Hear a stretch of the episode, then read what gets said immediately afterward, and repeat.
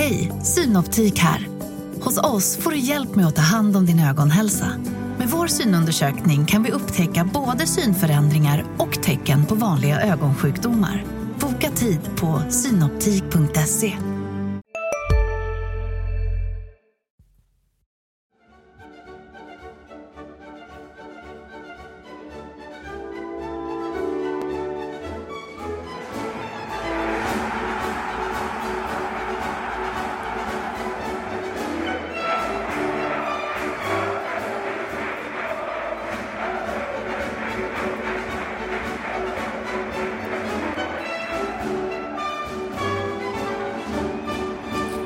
poddstudion gör Marian Svab knäböj och ljushopp och allt vad det heter som det fanns på den tiden han var ung när Bengt Bedrup hade tränat med TV.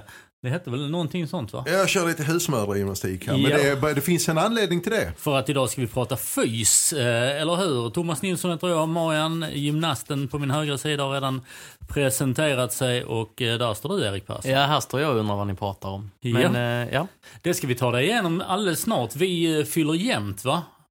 60 år. 60 år. Nej, inte 60 år, men 60 avsnitt. Ja, det är ingen ålder för en smed. La. Ska vi ta och gå igenom eh, vad vi har, vårt löp idag? Jajamän. Ny fystränare, Olof Mellbergs debut. Och vad betyder det framåt? Framförallt då för söndag. Eh, eh, Östersunds fotbollsklubbs... Eh, eh, ja. Har lite det läget som HIF hade i början på 2000-talet när det brakade loss och vi tog någon bild. Stefan Ed, vår gamle vän och kollega, gick upp till Olympia när hela styrelsen eh, ja, ställde sina platser till förfogande med Claes Johansson och Jerker Svansten. Allt bara Ja. stormade ut från Olympia. Och det var en sån klassiker eh, som jag tror det var Stefan Ed som sa det. Jag befann mig på plats där uppe. Att eh, när en eh, politiker springer ifrån en kamera. Ja, då är det min själ illa. Då är det allvar. Japp, Japp. och det var det. Eh, därifrån går vi vidare till eh, hur går det med de där 25 miljonerna som ska in? Och lite framtida tv-pengar. Och eh, sen knyter vi vackert ihop säcken med en cirkelkomposition och pratar fysnostalgi. Jag trodde du skulle säga cirkelträning. Ja, sen blir det cirkelträning. Ja, precis. Då kör vi pojkar. Jajamän. Ja, var börjar vi? Eh, troligtvis högst upp. Niklas Egnell heter Olof Mellbergs första värvning. Ja, vad ska jag säga? Du har träffat honom. Jag har träffat honom, så det är för enkelt för mig att jag ska berätta någonting. Va? Nej men... Äh. Behövs han? Uh, ja, ska vi börja i den änden? Behövs. Uh, det som kommer in är alltså Niklas Egnell, uh, eh, Motalapojke, varit i Östgötafotbollen, trogen genom Motala, fick sparken därifrån som huvudtränare. Sen har han varit i IFK Norrköpings akademi, han har varit i Åtvidaberg, han har varit i FC Linköping, eller Linköpings FC. Uh, och uh, nu är han riksinstruktör på eh, Fotbollförbundet och där bland annat utbildat Olof Mellberg i eh, fotbollsfys.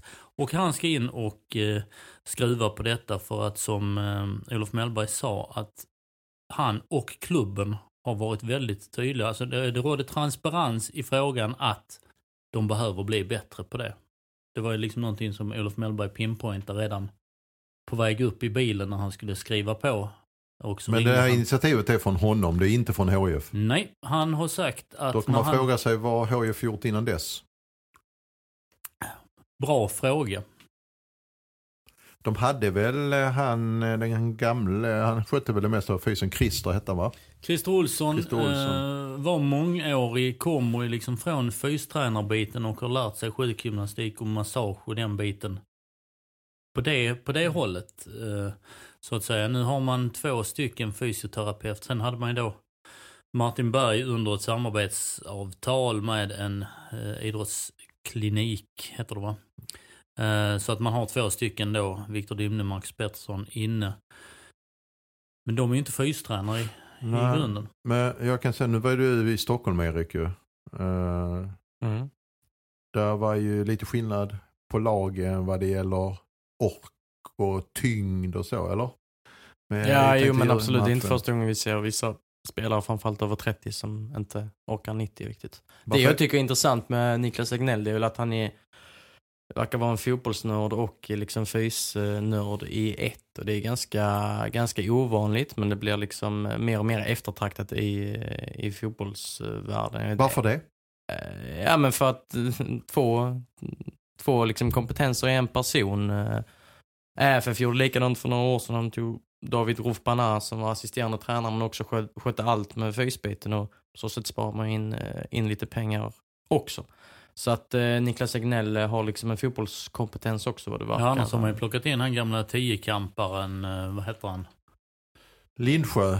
Ja, nej, men jag för- tänker på som... Eh, Ja, ja, Dagård. Ja, Henrik Dagård och sådana och uppe från eh, Växjö och vad heter det? Carolina Klüfts gamla tränare och de, de bitarna. Men precis som du säger, han är ju fotbollsnörd, kommer från eh, ett fotbollstränaruppdrag. Alltså han har ju varit liksom huvudtränare och assisterande tränare och kört mycket analys och sånt. Och så är jag utbildad sjukgymnast också.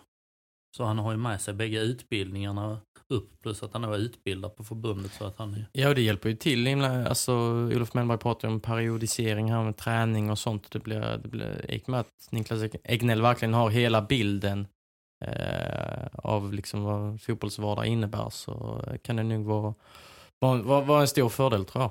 Men nå- Ja. ja, Jag tar upp den tråden som Erik tycker jag är rätt intressant. Du sa de här 30-plussarna. Det är väl, eh, ja, Marcus Holgersson är ju gammal kustjägare. Han- Han, kan man väl bara skruva upp så springer han 90 plus en förlängning och, om det skulle behövas. Men sen har du ju till exempel en sån som eh, kanske är en av de stora fotbollshjärnorna i allsvenskan, Alexander Farnerud. Som är en fantastisk spelare och när inte han är på planen så är det ett HIF och när han är på planen så är det ett HIF. Men frågan är om han någonsin, på grund av delvis givetvis genom hans skador, om han blir en 90 minuter spelare igen. Eller det är 60 minuter spelare från, från nu och framöver. Han, han närmar ju sig liksom, eh, trappade upp det. Han spelade väl eh, 80 mot Östersund eller jag kan, eh, det kanske var någon annan match. Men han gick liksom upp mot, mot nästan hela matcher. Ehm, och, men frågan är om han, om han liksom håller vecka ut och Effekten vecka in. Och, jag menar det ska bli intressant att se, nu har de ju match på söndag mot AFC Eskilstuna och sen är det match på torsdag igen. Hur gör man där med Alexander Farnerud? Eh, Han kan ju inte gå liksom för mycket på, på fem dagar där. Och sen så Mohamed Abu- Abubakari har vi, har vi ju sett många gånger. Också tar slut efter 75 sådär. Ja, och ibland tidigare. Mm. Nu kommer en dum jämförelse men du kan skicka liksom eh, astronauter ut i rymden som är liksom 40 år gamla. Som klarar av det, visst viktlöshet men ni förstår vad jag menar. Liksom ska, kan göra ett hårt fysiskt arbete över längre tid. Eh, utan att vara fotbollsfysiker höll jag på att säga, men kunna fotbollsfysen hela vägen ut så känns det ju som att från Christer Olssons era de var visserligen, då hade de kanske en annan skadeproblematik och så, men det känns ju som att eh, spelarna var bättre tränade för längre tid och höll bättre fysiskt. Och det är en god grundfysik. Undviker ju visserligen inte bristningar. Jo, kanske.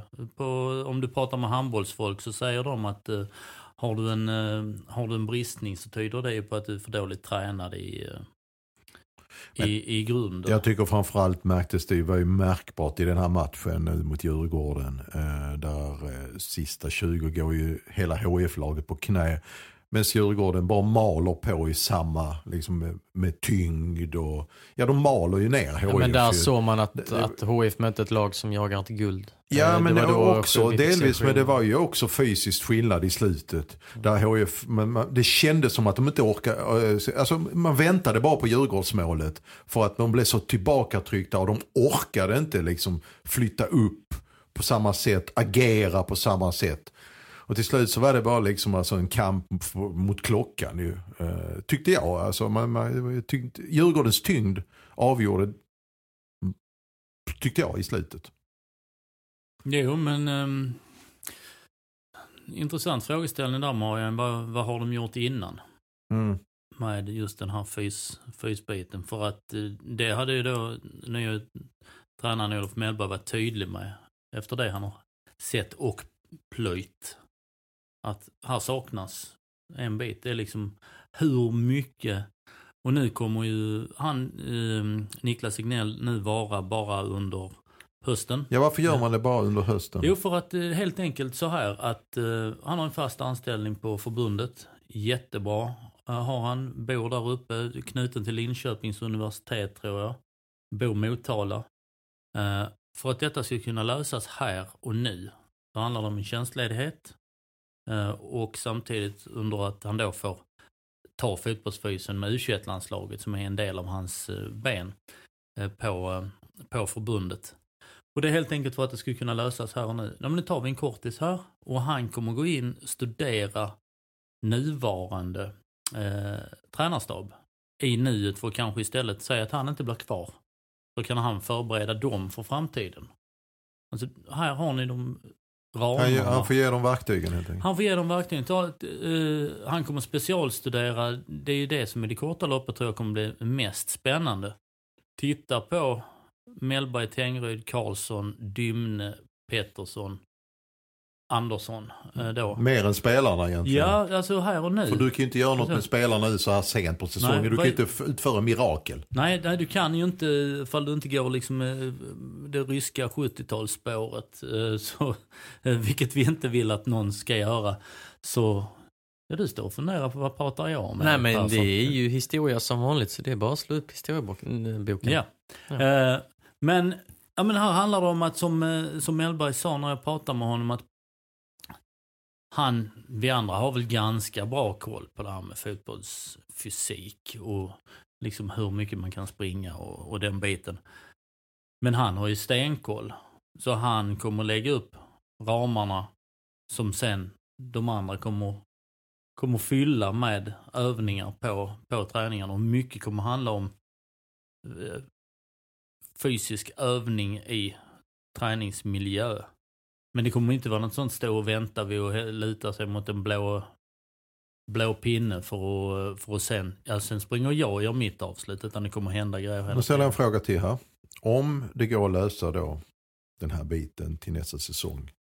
För att jag tycker det är rätt att HF börjar titta på sådana här bitar istället för att kanske ta in en eh, spelare till på en position där man bara har en spelare och så ska man ha in en till för att man ska ha två på alla positioner. Så är det kanske bättre att lägga de här äggen i den korgen där man kanske har just sådana här små detaljer. Egentligen liksom, det är väl ingen som höjer på ögonbrynen åt en sån här värvning egentligen. Men den är ju ganska betydelsefull tycker jag i det avseendet att det det, det man kan skruva på runt omkring laget, det kommer att bli allt, det är allt viktigare, det ser man ju runt omkring. Men säg att de eh, eh, kan få att han säger så, ja men jag kan tänka mig om jag får en anställning här nere. Ska HIF lägga pengar på detta? Eh, Det är ju... I långsiktigt perspektiv tänker jag då. Ja, vad, ger, vad, vad kommer det ge? Ja. För det handlar om att skapa sig själv vanor som ger dig fördelar när du inte har några pengar. Så. Eh, plocka in en eh, korttidskontrakts ytter. Nu blir det liksom Tobias Mikkelsen som blir liksom det, som vanligt, sorry. Men plocka in det eller plocka in en som kanske kan göra, göra någonting med U19-spelare. eh, Med spelare som finns där idag så är det ju egentligen om du vänder på det inte ekonomiskt försvarbart att inte göra det. Däremot, Du kan konsulta, han kan ju konsulta också absolut. i och för sig. Sen är det ju så att de två sjukgymnaster, fysioterapeuter man har inne nu, de är ju knutna till, ett, eh, till en idrottsklinik så att jag vet inte hur löneposter och så ser ut. För du har ju, där har du ju rehaben och den biten i vardagen som man kan ta in. Du kan kanske kapa timmar där istället. Eh, och sen du kanske inte behöver två assisterande och en målvaktstränare. Nästa grej är, om jag slänger ut fråga till här då, då har vi en, eh, jag är helt med på det, att det behövs eh, läggas mer pengar på eh, funktioner runt la, truppen här. Till exempel eh, en scout. Vem scoutar idag för klubben? Ja, det har vi varit inne på innan att vi eh, efterlyser och det, ett prioriterat område det kan vara de här två eh, områdena eh, som är prioriterade. Och ja, sportchefsfrågan, ja det är ganska många grejer. Det, ja, där är, där är Ja. lite att ta av Ja. ur, ur den, i den korgen. Men precis, han, eh, Ignell här har ju nu ska man inte bygga framtid på två månader här men eh, under sitt jobb i eh, Linköping har han bland annat gjort mycket analys. Ja, nu, nu pratar jag inte scouting utåt, alltså din scouting, din fråga du ställer nu. Ja, det är en annan sak. Ja, helt pra, annan pratar, sak. du spelare, pratar du spelarscouting eller motståndare? Ja, men jag, både och. ja, ja, precis. Både och såklart. Eh, Men här och nu kan du använda honom till motståndarscouting och eh, det egna. Så. Men scoutingen, precis som du säger, utåt och då tittar vi framtida presumtiva spelare samtidigt som en fystränare ska kunna kanske bygga starkare spelare underifrån, lite lätt eh, eh, förklarat. Som scout ska kunna hitta de här billigare bra innan det är liksom, innan någon annan gör. Och det saknas ju enligt vad vi vet totalt Ja, det gör det. idag. Mm. Och det har man inte råd med. Nej. För då måste du ju liksom helt plötsligt börja samla in en massa pengar för att kunna köpa in spelare. Så, bra scouting så hade du inte behövt de pengarna. Eller så får vi lita på att Mellberg kan göra underverk, fortsätta eh, på det han började i Stockholm där du var Erik. I måndags och Ja, kikade. nu gick vi tillbaka till matchen. Ja, Ja. ja. Ehm, ska vi prata om matchen helt enkelt? Ja. Ja. Jag tycker det var en fin övergång. Sabba inte den nu Erik. Mm, sorry, sorry, sorry. Vakna. 60 väldigt bra minuter. Från HF. Eh, och Synd att det eh, var handbollsmatch. hade Mamoudou Moro haft lite, lite Ja. bättre avslutsteknik så hade ju HF också fått in eh, någon boll där eh, i första halvlek. Djurgården hade ju också sina chanser. Anders Lindegård var ju magisk. eh, Och Adam Eriksson, men han kan man ju ursäkta lite grann att han inte brukar komma i det läget han gjorde när han kom fri. Ja, Adam Eriksson hade också ett bra läge. Ja, men precis. Ehm, men liksom Anders Lindegards första typ 18 minuter där, det var ju helt, helt sanslöst. Alltså man, där förstod man ju varför han eh, en gång i tiden eh, petade de Gea från United-holken. Men vad, vad såg du eh, som var skillnaden? Var det någon skillnad med Mellberg? Vid Ja, men det kändes som det fanns en annan aggressivitet, en annan tro på liksom presspel, att man kunde kliva högt upp och man kunde också ha ett bollinnehav. Eh, Det var liksom inte bara raka vägen upp mot, mot Gero, utan man kunde lugna, lugna ner och, och det fanns en eh, ja, men det fanns ett lugn med boll också. Så att, eh, det, det var mycket som liksom såg bättre ut i det liksom egna spelet med, med Mm. boll. Ja, det var både, både precis som du säger med det egna spelet med, med boll. Samtidigt det aggressiva pressspelet som gör Precis. att... Ja, men man kunde precis- vinna boll också. Ja, precis. Det är väl två av de tre lägena där i första halvtimmen som faktiskt kommer som en bollvinst Mm. för att man är aggressiv eh, i mittfält, på mittfältet. Va? Det är Ja. väl Max Svensson och någon vändning och är det ja, Gigovic eller jag kommer inte ihåg. Men som, men som serverar eh, Moro Mm, till, till mm. hans lägen. Mm. Ja, Jag tror Djurgården blev tagna lite på sängen. Jag menar HF, ny tränare och så. De, de visste inte riktigt vad, vad HF skulle komma upp med. Eh, Samtidigt identifierar de, eh, belastar de höger, HIs högersida rätt hårt när de insåg att Moro fuskar. Var, det var ju där, nu tror jag, det mesta av rösten, den här hesheten som eh, blev konsekvensen av att Mellberg jagar på sina Ja. spelare. Men framförallt Moro på högersidan som fuskade en hel del i, eh, och, och ställde Holgersson ensam. Man såg att Djurgården belastade, gick fram på den sidan hårt. Efteråt så ville Olof Mellberg med den eh, väldigt, väldigt, väldigt hesa rösten han hade inte liksom skylla allt på Moro utan att det var fler detaljer där på höger, högersidan som inte fungerar. Men absolut, Moro var, var eh, lite väck några, några gånger och eh, det identifierar ju absolut eh, Då är det frågan, har någon sagt till honom, lärt honom försvara någonsin i det här systemet? jag, kan man ju fråga.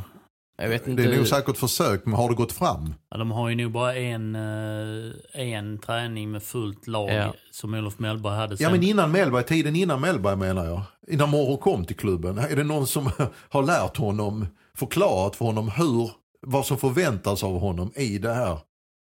Men inte tillräckligt väl uppenbarligen. Med tanke på hur... eh, Nej, det är där, jag, det är där vi- jag landar någonstans. Vi har ju berömt honom många gånger under säsongen, framförallt i början. Eh, även försvarsspelet men det handlar ju mer om liksom eh, att han kunde ligga fel men ändå eh, springa och ta tillbaka bollen för att han är så eh, väldigt snabb. Han var en liksom. pa- pain in the ass för den som råkade ha bollen. Precis. Sen är han verkligen liksom inte, han har inte så mycket med skolboken att göra liksom. Men Men han i- reder ändå ut en del situationer. Vilket han inte gjorde då mot Djurgården och då blir det väldigt lätt att peka på, på att det inte riktigt Och stämmer. det som, det som jag tror skillnaden här också är att Visst man spelar 4-2-3-1 eller 4-4-1-1 eller något, Mm. något liknande va. Men Olof Mellbergs sätt att se det som jag tror jag hade med i en eh, Max Svensson-text eh, här nu i veckan. eh, att man jobbar ju mer med nästan zonspel eller du har ditt eget. Du har din uppgift, du har ditt ansvarsområde. Um, så Max Svensson han skulle då gå mot mittbackarna hela tiden för att få dem stressade. Och så Adam högre upp där så måste ju bollen komma per automatik ut på högersidan. Då. Ehm, och då gäller det också att Morro i det här fallet, din uppgift är att följa deras ytterback. Så att han inte kommer upp spelet. Är du med? Ehm, och gör du då inte det, utan du fladdrar och ser någon attraktiv lucka och så. Då faller ju mycket på frihet under en jäkla massa ansvar grej. Det tror jag är den stora skillnaden och jag, när jag pratar med Ulf Mellberg nu, när han har fått tillbaka rösten ett par dagar senare, så var han också inne på det att det var ju just högersidan och eh, eh, nämnde ju inte Morro där heller. Men eh, precis, det, det länkar ju ihop det här också. Om han ska följa en, följa en back där på den, på den sidan. Ja, vad händer då med HIFs back i det här fallet? Vad blir det? Marcus Holgersson va? Ehm, eller innanför där Gigovic. Och va- där, är ju precis, där är detaljer som, som snurrar ihop. Jag tänkte på en, eller förlåt. Ja, nej, nej. Så, jag, jag tänkte bara ta upp Gigovic, du nämnde hans namn. Mm, jag kommer, eller vi tar, Ja, ja. jag, för jag tänkte på Tele2 Arena. Ja, men vi Du börjar sa- med Tele2 Arena. Ja, jag tycker det. det. För du satt ju på densamma. Några bänkrader upp bakom eh, eh, båsen va? Ja, lite snett. Man hamnar lite snett där så att det Ja. är liksom inte så att man eh, hör vad de skriker. Och HF var på den bortre bänken. Tyvärr ja. också. Men jag såg ju, jag följde ju liksom Olof eh, Mellbergs Beskriv rörelse. för med- oss. Ja, det var ju... Eh, många eh, fotbollsintresserade har väl sett Diego Simeone, Atletico Madrid-tränaren, och han håller på längs sidlinjen. Det var eh, sådana vibbar. Han sprang fram och tillbaka och, och han... Eh, hade han, han Tengryd liksom- med sig fram? vad sa du? Hade han Tengryd med sig fram? Ja, ibland. Alltså, Ja. Det var en, ett moment efter, ja men säg 20 minuter där, där det läckte lite på HFs högersida då. Och han blir så galen, alltså det, det ser ut som att han är på väg att springa in på plan. Men han liksom hejdar sig, han slår i luften och sen så bara springer mot bänken och så bara trycker han fram Tengryd. Och det liksom, det är precis som att säga, jag klarar inte det, du, du, du får ta detta. Jag, jag är alldeles för tokig typ. så han Så att, så att där stod Tengryd Ja. Mellberg gömmer sig liksom eh, avbytarbänken och försöker få ner någon form av eh, puls där och Tengryd eh, lite mer lugn och lite mer samlad eh, ska försöka då få ut budskapet. Eh, och där, han slog inte i luften om man säger så. Men det var, nej, det var mycket, mycket känslor så man blev liksom inte förvånad att han, av att han tappade rösten. Det är rätt skönt för någon som topplocket ryker på ändå samtidigt är så liksom medveten om att topplocket har rykt. Så då, "Aj, jag går och hämtar en gubbe till som Ja, du ja. får lösa det. Ja. Och, och sen ibland när det var liksom eh, bra grejer så kunde han stå och applådera eh, väldigt liksom eh, kraftigt så. Så det var, det var passionerat. Längs Så som vi trodde att Olof Mellberg kanske skulle... Ja, Ja. ja. Men det känns liksom, han bör ha några hårstrå färre liksom. För det känns som han drog sig liksom i, i ehm, Ja, men I kalufsen. I, ja, i kalufsen eh, många gånger. Så. Ja. Jaha, eh, jo, ska du prata om eh, Armin Gigovic nu när du ändå får chansen? ja, ja men eh, vi nämnde ju eh, Anders Lindegårds insats och så. Jag tycker Armin Gigovic, eh, han var ju väldigt bra mot Östersund. Och han var väldigt bra eh, nu igen. Och, eh, Äh, Barkrot cyklar honom ju vid tvåan. Ja, men, Nej, jag skojar ja, bara. han kanske. Men eh, alltså... Lite sordin på stämningen. va? Nej, nej. generellt sett så var det ju, det, finns ju en kraftfullhet och liksom ett mod. Han verkar totalt eh, orädd. Eh, han har en löpkapacitet och, och, och ett lugn som eh, har gjort att han är liksom värdig den där startplatsen. Och kan till och med att, eh, sett sett till de två senaste matcherna, att man rankar honom som HIFs eh, första innermittfältare här och nu. Och det Han har tagit. Landgrens plats som etta alltså. Ja, men- vi, vi satte ju Landgren som etta. På, Precis, Ja, precis. Så här är då en ny otippad eh, etta och, och jag menar när han var, spelade U17-EM i maj, då hade han inte ens gjort en träning med A-laget. Sen fick han göra det, han satt på bänken i Skånederbyt. Så fick han debuten och så skrev han lärlingskontrakt och nu har han gjort mål i, sitt första mål i ungdomslandslaget också och, och är en startspelare, spelar 90 minuter i Allsvenskan. Så att, eh, Det är just det Ehm. som jag ser fram emot. Alltså just det här som ni snackar om. att han Du sa att han gjorde sitt första mål. Eh, eh, det kittlar lite grann. Nu, nu vet man att han kan det defensiva spelet och att han har den här mognaden och, och, och, och, klarar det här positionsspelet och allt det här som ändå tar lite tid att nöta in. Det är betydligt svårare att lära sig en defensiv uppgift. Nu eh, väntar man ju på den här liksom, för jag tror det är oerhörda kvaliteter alltså att ta detta framåt i banan i planen. Eh, och eh, eh få får lite grann den här, eh, liksom en tanke med det här med en uppgraderad version av May Malango som var i HIF. Eh, med löpkapaciteten i både, alltså mellan de här straffområdena. Ja, men det är ju en det- verkligen. Ja, jag tror, han har en, st- jag tror han har den kapaciteten att växa ut till en sån här, verkligen liksom i båda rikt- norr-söder riktningarna. Och bli Den, en, den som då... eh, Mm. Och då hamnar ju oerhört mycket den som skiljer en box-till-box-spelare mot en bra box-till-box-spelare. Det är ju, det är ju värderingskontot. Japp. och där är mognaden då Ja, som precis. Där han precis. Att han, han känns som han redan har det, bygger han på sig. Den här offensiva som du sa, det är enklare att lösa. Ja, han har nog det redan. Precis, men det ja. gäller att släppa, släppa loss det. För att vi har ju sett ganska många, utan att nämna några, alla, alla tre har ju sett folk som kallar sig, jag är en bäst central tvåvägsspelare. Och de kan ju springa hur långt som helst. De springer över reklamskyltar ut Filbornavägen om så skulle vara. Men där finns ju mer att önska i värderingen. mm. Det bara, Oj, vad drog du nu? Nej, jag gillar att springa. Så. Det Ja. känns som att Gigovic har mer där. Ja, och sen ska det bli intressant att se, man har inte riktigt sett det där liksom längre passningsspelet. Kan han liksom vända spelet med en crosspassning? Kan han komma med instick? Sådana grejer, det har vi inte riktigt fått se, men där... Crossboll. Crossboll. Ja.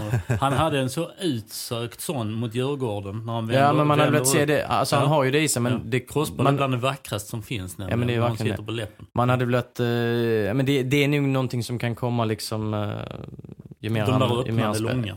Precis, och, och liksom mer de, ja men, de avgörande passningarna så. Eh, sen är det intressant liksom i, i P17-landslaget så spelar han ju yttermittfältare, vilket eh, han kom in där ganska sent, bara för drygt ett halvår sedan. Så att, eh, och där har han visat eh, ett, eh, ja, men ett visst offensivt register också. Så att, eh, ja, han, han har nog ögon på sig från större klubbar. Konstigt vore annars. Mm. Och ehm, kan kanske till och med börja konkurrera om, om en plats i u landslaget snart, om han fortsätter så här. Vilken resa från, vad sa vi, maj? När Maj spelade han i U17-EM ja. Ja. Och han kom från Landskrona Borgs ungdomsverksamhet, eh, vad blir det, sommaren 2017. Mm. Så eh, två år senare så. Han har en brorsa i U17-laget va? I HIFs? Mm. Det har han kanske. Mm, tror det. Ehm, som sägs vara lika bra, om inte bättre, har jag hört. Fäll nu in tungorna ni som lyssnar på detta och dra in hakan. Vi får låta en eh, Gigovic åt gången eh, komma upp. här. Nu börjar det samtidigt smälla till i mailboxar och hit och dit sådär bara. Varför ger de inte honom ett A-lagskontrakt? Um, ni kanske också har hört det där och så. Jag tycker eh, så både Armin Gigovic och klubben har agerat under den här sommaren när han har exploderat har varit helt i linje med sunt förnuft, eller? Eh, hans kontrakt gäller till 2021, är det så? Mm, och det är ju inte ett A-lagskontrakt så att säga. Det är som han själv säger ett HIF-kontrakt. Det intressanta är vad HF gör om hans representanter begär att få omförhandla det här kontraktet. Med Ja. tanke på att han nu är bofast i A-laget. Och, det, och jag tycker det är... Hej, Ulf Kristersson här. På många sätt är det en mörk tid vi lever i. Men nu tar vi ett stort steg för att göra Sverige till en tryggare och säkrare plats. Sverige är nu medlem i NATO. En för alla, alla för en. Har du också valt att bli egen? Då är det viktigt att skaffa en bra företagsförsäkring. Hos oss är alla småföretag stora och inga frågor för små. Swedeas företagsförsäkring är anpassad för mindre företag och täcker även sånt som din hemförsäkring inte täcker. Gå in på swedea.se företag och jämför själv. Det är ju en konsekvens av hans egna eh, Prestation, absolut. Egen, egen prestation. Ja, ja. Jag, jag tycker det är... Vad kommer HF som Ja, klubb eh, precis. ställa sig till det? Det är då- intressant tycker jag. då, de kommer ju ställa sig till att ge ett, sen kommer det komma en, en förhandling där han sitter i en bättre sits. Men när HIF skrev det här kontraktet, förlängde då eh, HIF-kontraktet eller lärlingskontraktet, you name it. Det där kontraktet, vad hade han spelat då? Fyra Då hade han, minuter? eh, Ja, då nej, hade nej, han jag två, säger- två inhopp i, i Allsvenskan tror jag och så där inhoppet nej, i träningsmatchen ja. mot Göteborg. Det är klart Precis. HF har, jag säger inte att HF har agerat fel på något Nej, nej, sätt. jag, jag bara tänker på liksom... Men det kommer komma till en annan ja. situation snart. Absolut, och den situationen bygger på att eh, hans egen prestation och HF sitter lugnt vid förhandlingsbordet också för att han är ju deras, deras spelare. För sen hade han trampat totalt igenom och så hade han suttit på ett treårs... eh, Vad ska HF göra då? Nolan Boat. Ja men, ja, ja, men ska HF sitta eh, lugnt i båten och bara vänta ut till 2021? nej, eller bör, nej, nej, för bör man honom gå till mötes när de nu, för kraven kommer komma? Definitivt. Efter eh, säg nästa landslagssamling eller eh, måndagen den vad blir det, 4 november. Det är väl en alldeles ypperlig tid. Att sitta och ta diskussionen. Nu har vi växt tillsammans här, nu har vi gjort prestationen, vi trodde på dig då, vi tror på dig i fram, framtiden, du är HIF-spelare, men nu gäller det, nu, nu är du värd en bättre framtid, eller ja, sådär. Så kör man en omförhandling där. Ja, och man måste ju, liksom, det finns ju flera klubbar med i bilden. Det fanns det ju innan han skrev på det här kontraktet också. Jag menar, är man med i ett U17-EM då, då scoutas man ordentligt. Ja, precis. Eh, så det är ju det, eh, det, är det HIF också har eh, att ta hänsyn till. Ja, de har redan knutit till sig honom Mm. också. Nej, så jag tycker det är bra agerat av han, att han inte hoppar på något uh, uh, Udinese-spår efter ett uh, glimrande U17. Och att HF samtidigt inte liksom Får jag fråga, ställa en fråga till er? Om man sitter i HIF-sits. Eh, För det är egentligen det som är det viktiga. Det här är en spelare som har potential att se till att fylla en del av hålen i ekonomin. Om eh, eh, det fortsätter så här, utvecklingen fortsätter så här. Hur ska HIF agera? Ska, det är trots allt, vi kan säga 2020, 2021, men vi vet också att plötsligt står vi där i 2021. Det går fort. Mm. Ska HIF sälja vid första bästa, höll på att säga, eh, bud? Sen är det upp till spelaren också givetvis. Jag förstår att är, spelaren också har en vilja och har en plan för och en bild av hur man vill ha sin karriär och representanterna. Men när ska HF sälja? Är det i sommar, redan kommande sommar eller ska man ha is i magen? För det är ju inte säkert att spelaren förlänger kontraktet. Skriver ett mångårigt. Svår fråga ju, Ja. eh. Men intressant. Eh, om hans eh, utveckling fortsätter så kan han väl eh, bli aktuell för liksom en försäljning redan nästa sommar. Sen vilka summor? Nej, det ju- behöver vi inte gå in på. är ju svår, alltså ska man vänta ut liksom till om det kommer högre summor samtidigt vet en eventuellt köpande klubb vilken situation HIF är i så att Sant. kanske inte når de liksom eh, maffi- maffigaste av summor. Så att, eh, ja, detta var ju ett icke-svar, men det, det, det Benjamin Nygren gick för 40 miljoner. Mm. Ja, men det var... Ja. Men det var en annan, det går inte att jämföra rakt över, det inser Nej, jag. Göteborg är lite annan situation kanske. Ja. Och det var också en spelare som öste in mål och vi vet vad liksom, poäng och mål kan göra. Eh, Armin Gigovic är, är, är kanske inte den som kommer synas på det sättet. Så. Nej. Nej, men det är, en, det är en central mittfältare och eh, kan IFK Göteborg sälja för de summorna så bör HIF kunna sä- sälja åtminstone närmare de summorna än de, får man säga pisspengar i denna podden? Ja, det får du säga. Ja, än de pisspengar som man kanske gjort i vissa affärer på grund av att man inte har saknat den, som jag har varit inne på, eh, erfarenhet på sin sida förhandlingsbordet. Framförallt eh, så måste man sälja i ett sommarfönster. För att få rätt klubb och få rätt pengar. Det är ju min känsla också att där måste man göra nästan en dubbelförsäljning med Max Svensson också om han fortsätter på det här Mm. sättet. För där har du en förse- potentiell försäljning. Det är väl Så- de två vi ser idag. Tittar man då, då ska väl eh, Banse och Hafsteinsson till exempel eh, kunna vara ersättare på något sätt till eh, Ja, till- Ma- Max Svensson och Gigovic till exempel.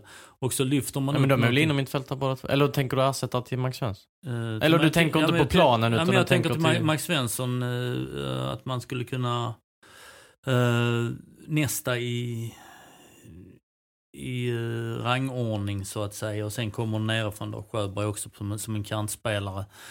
Men just att man redan i, i vinterfönstret ska vara beredda på liksom någon typ av rekrytering utifrån kanske. Ehm, och sen bygga på detta för att vara fullständigt beredda i sommarfönstret och passa på. Och låt oss förutsätta att de här gossarna går, har samma kurva, kurva uppåt, att de, eh, att de säljs där. Och att klubben då har gjort ett smart vinterfönster, vilket gör att du står redo att du inte står med bägge byxbenen vid anklarna som eh, när vänster ben är Bjarnason och höger ben är eh, Rasmus Jönsson som den här sommaren. Nästa fråga. Om eh, spelaren går med på det och tycker att Nej, men det här är det bästa för mig att stanna men eh, då vill jag ha ett fyraårskontrakt, ett A-lagskontrakt i detta nu när vi ska omförhandla det här. Ska HIF känna att ja, men här har vi en juvel som kan lyfta oss sportsligt på lång sikt och så får vi se när vi säljer honom. Eller ska HIF aktivt agera för att redan som Tom, enligt Thomas strategi här nu som han nämner att nej, vi är inställda på att sälja honom i sommar.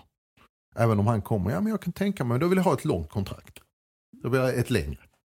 En väldigt intressant fråga för det beror på vilken den utstakade röda tråden är i klubben. Uh, är det så att man ska vara proaktiv på, uh, på transfermarknaden, uh, enligt mitt exempel då, eller ska du bygga en längre framtid för att sen kunna liksom få andra spelare att växa i detta och sen Men är det inte det som är lite det primära med de här åtta high potentials, alltså försäljnings... eh, det, luktar det inte som att det är överstående, eller säga, eh, ambitionen och sen så kommer det sportsliga följa med automatiskt räknar man med. Om vi får snurr på de här hjulen, den här strategin. Jo, jo, det låter så, men jag har också en ambition att levitera. Ser du mig lyfta från marken? Nej. Alltså det... Alltså du måste ju ha en... Jo, när vi åker Sundsbussarna. Ja, då brukar det. Då kan det ibland. lyfta. Då lyfter det till och med så att det är Då klackarna i på däck, taket. ja. Men alltså den här röda tråden framåt, var är den någonstans? Eh, Hur gör vi för att de här åtta ska komma in? Var hittar vi dem ifrån? Var köper vi dem ifrån? Hur många kommer utifrån? Hur många kommer inifrån? Är det åtta säljbara 2020? Är det åtta säljbara hösten 2020? Eller kanske sommarfönstret, vinterfönstret? Ehm, eh, och så. Det är ju den, den biten Mm, mm. som, eh, som, som jag tänker på. Dra in 25 miljoner och så, eh, ja men bara så köper vi in åtta säljbara spelare det året. Ja, men det, är- jag tycker det är en Ja. spännande diskussion och en klubb. Jag, kan- alltså, jag tycker själv det är jättesvårt. Det finns ju som du sa, det finns ju inga... Det var ett icke-svar. Va? Det, det är nog, man bollar ju med alla de här frågorna och det är inte helt lätt skulle jag tro. Eh, Sen har du som sagt en motpart också. Men du, eh, jag tänkte på det, det om vi går tillbaka till matchen. Har vi klarat av Gigovic nu? Ja men det, det har vi väl. Eh, Mellbergs debut, eh, om jag säger så här. Ja men det var ganska tacksam debut trots att man mötte Djurgården. För man visste att i utgångsläget ska vi, för det är Djurgården som kommer föra den här matchen. På söndag möter HIF AFC Eskilstuna hemma. Då förväntas HIF föra den här matchen. Eller? Vad betyder Mm. det här? Eh, vad betyder detta liksom så nu, med Mellberg att han måste tänka om? Eh, Ja, De hade ju inget att förlora mot Djurgården som du är inne på. Nej. Och, eh, men jag tror ändå den här insatsen, även om de då förlorar med 2-0, att den skapar lite tro och liksom att vi, vi är på rätt väg. Just för att de kunde ta initiativ i en sån här match mot ett guldjagande lag. Det räckte inte hela vägen, det var väntat, men de hade ändå en, en- del boll och, och liksom kunde göra konstruktiva grejer med den. Så att där finns liksom grejer att, att bygga vidare på inför en match där man då ska vara mer eh, spelförande. Eh, och intressant att se liksom AFC, hur, hur liksom, kommer de ligga lågt med, med en fembackslinje? Kommer de gå upp och pressa? Eh, det är väl eh, lite, lite oklart. De har ju några ganska färska tränare från Litauen av alla ställen. Mm. Ehm, och ehm, ja, AFC eh, blandar ju och ger lite med liksom, taktik och så. Ibland kan de pressa högt, ibland ligga lågt. Så. Så att, eh, men absolut att det är att förvänta att eh, HIF har, har mer eh, boll. Det, Vill du se samma eh, startelva eh, i en sån här ja, match? ja, vi har ju Randrup som kommer tillbaka från avstängning, men det vore väl naturligt att placera honom på bänken. Så jag skulle nog eh, säga samma startelva, ja. För att, Ja, men för det funkade, det funkade bra senast och sen om vi kollar på de som kom in eh, nu mot Djurgården, Mikkelsen, Tashrik Matthews, Filip Sjöberg. Eh, jag ser inte dem som startspelare på, på söndag. och framförallt så, eh, och på topp, fortsatt Gero på topp trots att han, eh, ja, höll på säga, det är ju svårare motstånd än för matchen mot Östersund där han gjorde sitt första mål. Men är det, nu har man ju inte så många fler an- anfallsalternativ. Nej, det är just det, att det inte finns så många alternativ och, och jag tror han kommer få, få liksom några chanser här för att försöka få igång honom. Annars är alternativet att ta upp Moro då och då är frågan vem man tar på högermittfältet. Om det skulle bli Filip Sjöberg eller eh, Mikkelsen eller någon Men det är väl annan. de två det är att välja på där. Ja, eh, eventuellt Tashrik Matthews, men jag tror snarare att han konkurrerar kanske som Wanderson is back in town. Ja, han är ju det. Det är intressant att se hur man eh, hanterar det. För det är ju klart att han kommer lämna. Det är säkert Mm. fler i den här truppen som kommer lämna, men här är det officiellt. Så att, intressant att se vilka signaler man eh, skickar där. För en sån spelare ska ju vara verkligen bättre än de andra för att spela. Hon har fått in en ny fystränare nu. Just ja, det kanske behövs. Där. Får få upp han till 90 minuter. Ja, det, Han har ju gjort, eh, jag tror han har gjort en 90 minuter. Mm. Mm. Tänk om man blir så snabb, Marian, som vi pratade om. mm. Att vi måste ha, vi måste ha fyra man som jobbar uppe på redaktionen. För att på en, Mm. En halvtimme innan matchen är färdig så är han så jävla snabb så han är redan färdigduschad. Och du menar han är snabbare än så? Ja, Ja. ja. Ja, då får vi ju stå där och mixa någon av oss och Ja. vänta på honom. Han är färdigduschad. Matchen pågår där ute. Han är så jäkla snabb så matchen börjar redan klockan halv sju för att man ska hinna med trots att den bara är sju. Så snabb är han. Ni är roliga ni, med era skämt. Nej, men det Men det är kommer... ju inte skämt, det är fotbollsfys. Ja, ja. Vad heter det om eh, seger på söndag, om det blir det? Eh, nu eh, blir det ju inte om man räknar tabellmatte. Men eh, är det klart då? För allsvenskt spel i Helsingborg 2020? Eh, Vad tror ni? Där eh, får vi väl också ta in eh, Östersunds FK och eventuella konsekvenser vid en konkurs. För det kan ju, det kan ju faktiskt eh, liksom ändras eh, lite förutsättningar. Ja, fast det gör det ju inte om HIF vinner. Ta sina tre poäng, det är det jag menar. Ja, Tar de tre poäng nej. på det, då är det väl klart. De, Jag ja, tror att om vi tar parentesen ÖFK så tror jag att de kommer fullfölja säsongen. tror jag också. Ja. Eh, nu kommer ju Da- Daniel Kindberg som inte har någonting med klubben att göra enligt deras tillförordnade VD kommer ju betala de två flygresorna till Falkenberg och Örebro nu. Ja. Eh, Det går att hanka sig fram. Förbundet Ja. kommer göra allt för de vill ha en hel allsvensk. Precis, för det handlar, Det om, det handlar- handlar om det. Sen kan de nog skicka ut dem med diskvattnet. Men, Ja. men alltså det har aldrig hänt att någon har slängts ut under säsong. Va? Eh, Det blir för rörigt. Precis. Så vi kan väl räkna dem som ett 16-gäng. Så Ja. kommer de väl bli på något Jag sätt. tror ju att HIF vinner dem på söndag så ska det mycket till för att de där tre bakom ska komma upp i 24 poäng som HIF då har. Ja, det, det- så, så, det är min de här, känsla. De här lagen bakom måste ju liksom öka sina poängsnitt i ganska markant stil om de ska komma i fatt faktiskt. Jag har ju svårt att det, se ska ju att, väl, det ska väldigt mycket till. att Falkenberg, AFC eller Sundsvall plötsligt ska vinna två, tre matcher i rad.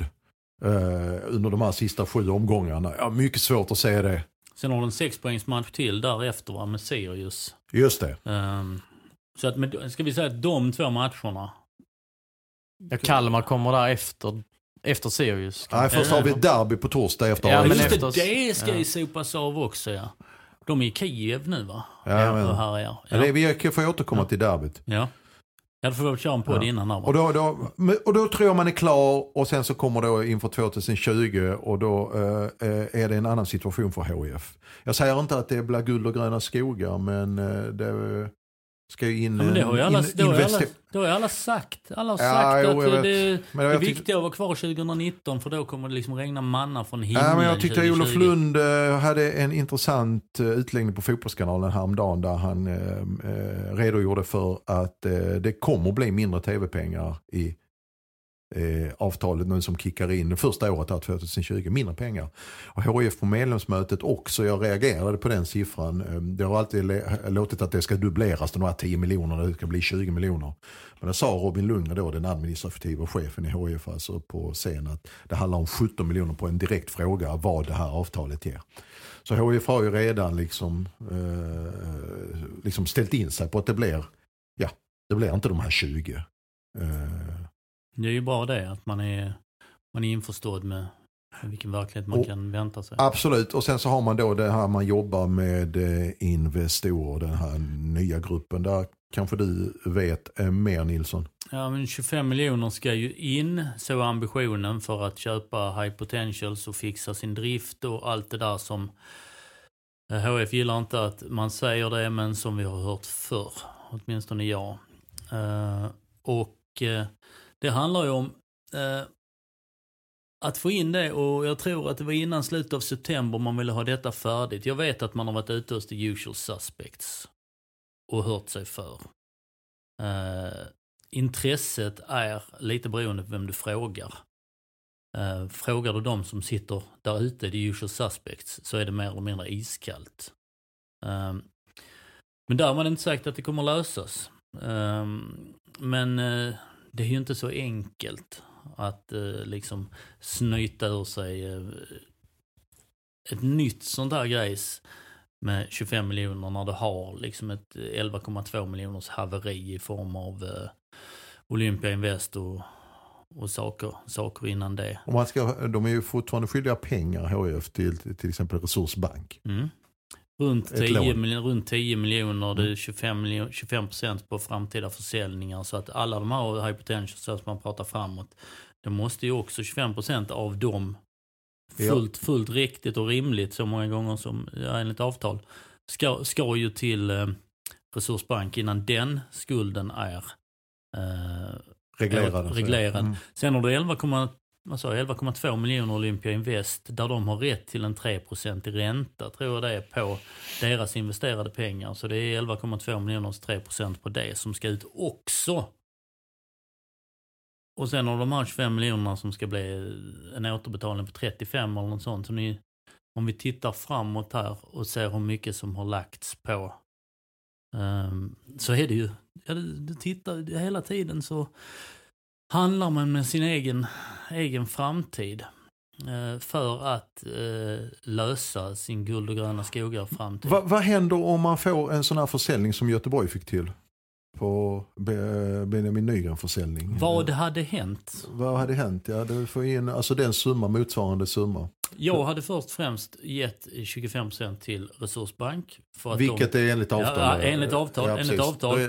Eh, och pratat med Resursbank. Är ni intresserade av att få resten nu? Eller skulle vi kunna göra något annat med dem? Då hade eh, Resursbank sagt att eh, prata med de andra bara vi får våra 25%. Så vi brothers in arms här. Eh, och då har du, eh, vad har du, vad sålde du honom för sa du? 40. F- 40, då har du 30 kvar. Eh, då hade jag ju löst ut Olympia Invest direkt. Eh, och sen har du ju då eh, så avbränningar och en massa sånt på det så kanske du har 10 kvar. 10-15. Men då har du rensat bordet. Då har du rensat bordet och då kan du helt plötsligt komma till the usual suspects igen som till stora delar är Olympia Invest. Ja. Och säga, ja tjena förra veckan så kom jag här med det här kuvertet till dig med då 555 000 eller vad det nu blir. Um, sugen på att investera i HIF. Ja. Så. Så hade man gjort på samma sätt som man gör, nu pekar jag, jag gör ju det här poddmisstaget igen, nu pekar jag på Rådhuset. Som när man gick bort till Peter Danielsson med en sån här jättestor check med 17,2 miljoner man betalar tillbaka sitt lån. Och sen, ja nu är lånet tillbaka, är vi vänner nu? Ja bra, jo förresten ombyggnad av Olympia. Det är ju, det är ju rent, du måste ju, du måste ju rensa ditt bord och torka av Det det varit- med Wettex-duk för att kunna duka. Det hade varit en uh, otrolig framgång för HIF och en otroligt skön känsla tror jag för hela klubben. Eh, en utandning om man hade... Jag kommer ihåg den stoltheten för jag var med när de, Ja, det är det när de med- lämnade den mm. checken där, där uppe och jag skrev en krönika som kan vara med rubriken Aldrig mer. Mm. Ja, Lange Nasse på den. Eh, ja men det är klart det är en stolthet och det är en utandning och en skön känsla. Alltså Mm. så mycket pengar som någonsin kan användas till att rensa bordet istället för att bygga på dig nytt i ambition att rensa bordet längre fram. Mm. Mm. Så. Vad säger du Persson?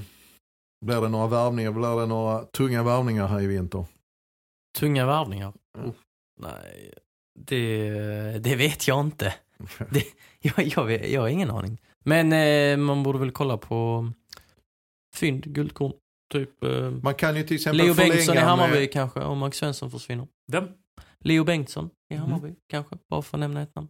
Vi har ju en option, ett par optioner som eh, ska, det ska ta ställning till. Alexander Farneröd är ett sånt optionsår. Ska man, ska man ta det från HIF sida? Tycker du? Eh, jag är spontan, alltså om man hittar någon form av ersättare till honom som kan liksom slussas in och, och som du sa, han håller kanske 60 minuter. Eh, som, som kan komma in den där sista halvtimmen. Så ja, alltså Alexander Farneruds fotbollshjärna och fotbollskompetens är ju liksom enorm på alls, allsvensk mått mätt. Eh, så att eh, man borde väl eh, köra ett år till kanske. Jag tror att Holgersson också, Marcus Holgersson är en sån också som det är ett optionsår på. Liverstam också. Och Liverstam ja. Och så finns det några lån, Alexander Nilsson, Ibrahim Banse och så. Men det har vi varit inne på tidigare ju. Ja. Men du, du tror inte det kommer in, det är väl, jag känner väl mest att, att man borde kunna ha in, ta in en anfallare behövs ju verkligen. Det behövs verkligen, absolut. Så här. Ehm, så här sa jag precis som att nu kommer svaret. Nu kommer svaret. nej, Ja, jag är väl nyfiken nej, så, så här, Verkligen. Ja, så här tycker jag. Utveckla. Ja, så här tycker jag. Uh, utnyttja inte optionen med eh, Fredrik Liverstam. Uh, utnyttja den med Marcus Holgersson med sitt ledarskap och sin dubblingspotential eller skulle kan spela på tre positioner. Och förläng med Alexander Farnerud från ett år från eh, optionen. Då har det gått 18 månader från Rasmus Jönsson lämnade till Thailand. Så att när eh, han slutar, eh, Alexander Farnerud, så kommer Rasmus Jönsson hem och kan vara den fadersgrejen på den positionen samtidigt som du har byggt någon underifrån. Så tycker jag. Det lät ju väldigt lockande. Du skulle bli sportchef. Ja, Jag skulle be, tror det finns någon klubb här som behöver det i närheten. Eh, Ha, ja. Nu har vi klarat av en, uh, höll på att säga, nu börjar jag bli torr i munnen här. Uh, vad har vi, vi brukar blicka tillbaka va? Fys, ja vi ska knyta ihop den här säcken, det lovar vi ju. Niklas Ignell börjar vi med fystränare. Fysnostalgi.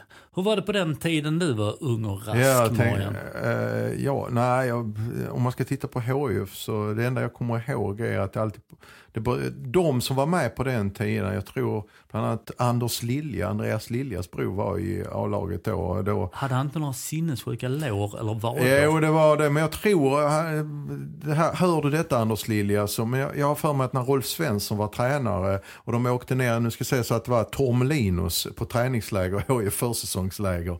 Så, så sägs det att det inte följde med en enda boll neråt. Och det var inte för att man hade glömt bollnätet eller sånt utan det var väldigt medvetet. Så det var en veckas löpning där nere på sandstränderna i det- Ingen boll. Och det gick inte Eh, att göra på men Sandström jag vill ju, eller hör inte av dig Anders Lilja förresten för att jag vill att detta ska vara sant.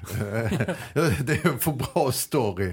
Så där är jag sen eh, lite längre fram. Men det, det har ju varit några sådana här, om man säger så, eh, om man vill se detta som en innovativt försök att försöka ta fotbollen framåt, fys- fysiologin. Så var det, så var det väl ett försök, eh, ja, Rolf Svensson hette arkitekten. Eh, några år senare, eller om 15 år senare, så dök Norman upp på Ja. Olympia. Och revolutionera svenskt eh, idrottande. Inte enligt honom själv. Nej, men i dess grundvalar. För att han införde att, vänta, man kan ju trots allt träna två gånger om dagen. Japp. Så han fick ju, det var liksom rubrikerna, HIFs nya norrman. Um, Ja, här är en, Chock-ninja tränings... Du vet. ja, träningspassen var längre om man införde två pass om dagen. Och eh, när man har pratat med Åge skrattade han alltid gott åt det. Han sa det liksom, ja för mig, för honom var det inget konstigt. Utan det var ju, att han, han tyckte mest det var konstigt att han fick så mycket frågor om det. Varför ni trä, alltså för att allsvenska lag hade tydligen inte tränat på den nivån överhuvudtaget när han kom in. Men sen fick de ju några stressfrakturer och lite sånt när folk fick hoppa jämfota upp för nyuppförda östra läktaren med Ulrik Jansson på ryggen. Och så. Men sen finns det ju, beviset kom ju sen. Att han hade ju rätt när han plockar med sig över skanderna. De, eh, den här dubbla tränings... Som Ja, ja, var fullkomligt normalt i Norge. Eh, kommit då från skidåkningen och bla bla bla, ni kan ju den här storyn. Eh, men där finns, det, HF kunde ju ligga under med 3-0 och vinna med 5-3. Eh, Ja, nej, de, det var, de, de matcher, jag, jag kommer ihåg jag såg en match på, jag hittade ett gammalt videoband. Jag hittade ett gammalt videoband, det innebär att jag även hittade en gammal video. Ehm, och kollade på Trelleborg HIF, eh, Vångavallen, tror det var 98. Se den, om ni ska få se ett lag mala över några andra i 20 minuter. Eh, eller sista, sista 20 minuterna. För det var ju Trelleborgsspelarna, de, de var nästan gråtfärdiga så överkörda de blev i, i, i fysiken. Men det var ju framförallt det, det ju, och det vet ju du, alltså, jag tror det har också med att de var så mentalt starka, att de kände just den här, alltså att fysiskt stark, då satte det sig i huvudet också. Det, här, det är vi som kommer orka när det väl avgörs, eh, matcherna. Tiden har du varit med om någon så här, du har ju spelat närmare i tiden än vad jag och Nilsson har gjort. Ja, jag har spelat, men jag har ju inte några sådana um, stories från 90-talet när jag sett. Jag, jag, Men du är nej, tr- tränare Hur ser det ut på er akademi ute i Vegeholm? akademin. i- Ja, där har vi faktiskt eh, förra försäsongen. Så tränades vi, eh, fystränades vi av eh, Fabian Brunström, av alla människor. Tre mål i debuten för Dallas. Ja, det, Dallas, han blev väl Ja, eh, ja. den tredje NHL-spelaren som gjorde hattrick i sin debut tror jag. Mm. Så att eh, det var ju inte fysiskt, men jag, det, var, det värmde när jag fick eh, beröm av honom. Jag var ganska duktig där faktiskt. Så att, Vad gjorde fick ni många, då? Ja men det var... Eh, ja, Var det knäböj? Sådana som Marian gjorde nu? alltså det var, det var liksom kroppsvikt och det var väldigt mycket liksom vighet och sådana grejer. Och man tränar muskelgrupper som man, som man ofta inte kommer åt på ett gym med någon skivstång och sånt. Så att eh, det var, det var väldigt bra träning. Mm. Och du sa att detta var då inför förra försäsongen. Har den då håll, hållit sig i ett och ett halvt år? Det? Alltså jag har ju spelat två matcher sedan dess, så att... Eh, Du I division 6 och division 7. Så att... Eh, Man kan vända på det. Du men det är inte Fabian Brunströms fel. Hur mycket orkar du i de matcherna? Eh, ja, en timme kanske? Hur mycket hade du orkat utan Fabian Brunström? Exakt min fråga, vad det. Fem minuter. Mm, där har du det. Där har du det. Eh, ja, Har fys- vi, eh, Fysnostalgi, vi har inte mer att säga för vi kan dra tillbaka de här, eh, när vi ska prata träna sig i form så vill jag gärna någon annan gång återkomma till Wilfred Schnorrenbergers 22 träningsmatcher in säsongen, inför säsongen 20. 1974. En hel serie. En hel serie. Och när han försökte få ner all is i ett uppspettat hål i mitten på en träningsplan. Men det tar vi en annan dag va? Ja, det, nästa vecka kan vi... Nej, nästa vecka blir det mycket derbysnack när vi är tillbaka. Så. Vä- vänta, var han tysk eller? Wilfred Schnorrenberger. Ja. Tycker du det låter tycker, tyskt? tycker du det låter tyskt? ja men eh, jag vill bara få det Mm, bekräftat. ja, genau. Mm. Ja. Genau. Ja, du hörde väl hela tillvägagångssättet. Ja men det, jag vill bara få det bekräftat. Ja. Ja, ja, men det var han. Uh, Först AFC och sen är det derby-uppsnack. jag återkommer vi då. Då ska vi nog hitta någonting från minnenas byrålådor, va Marian? Ja, vi håller där gubbar. Går vi och duschar. Tack.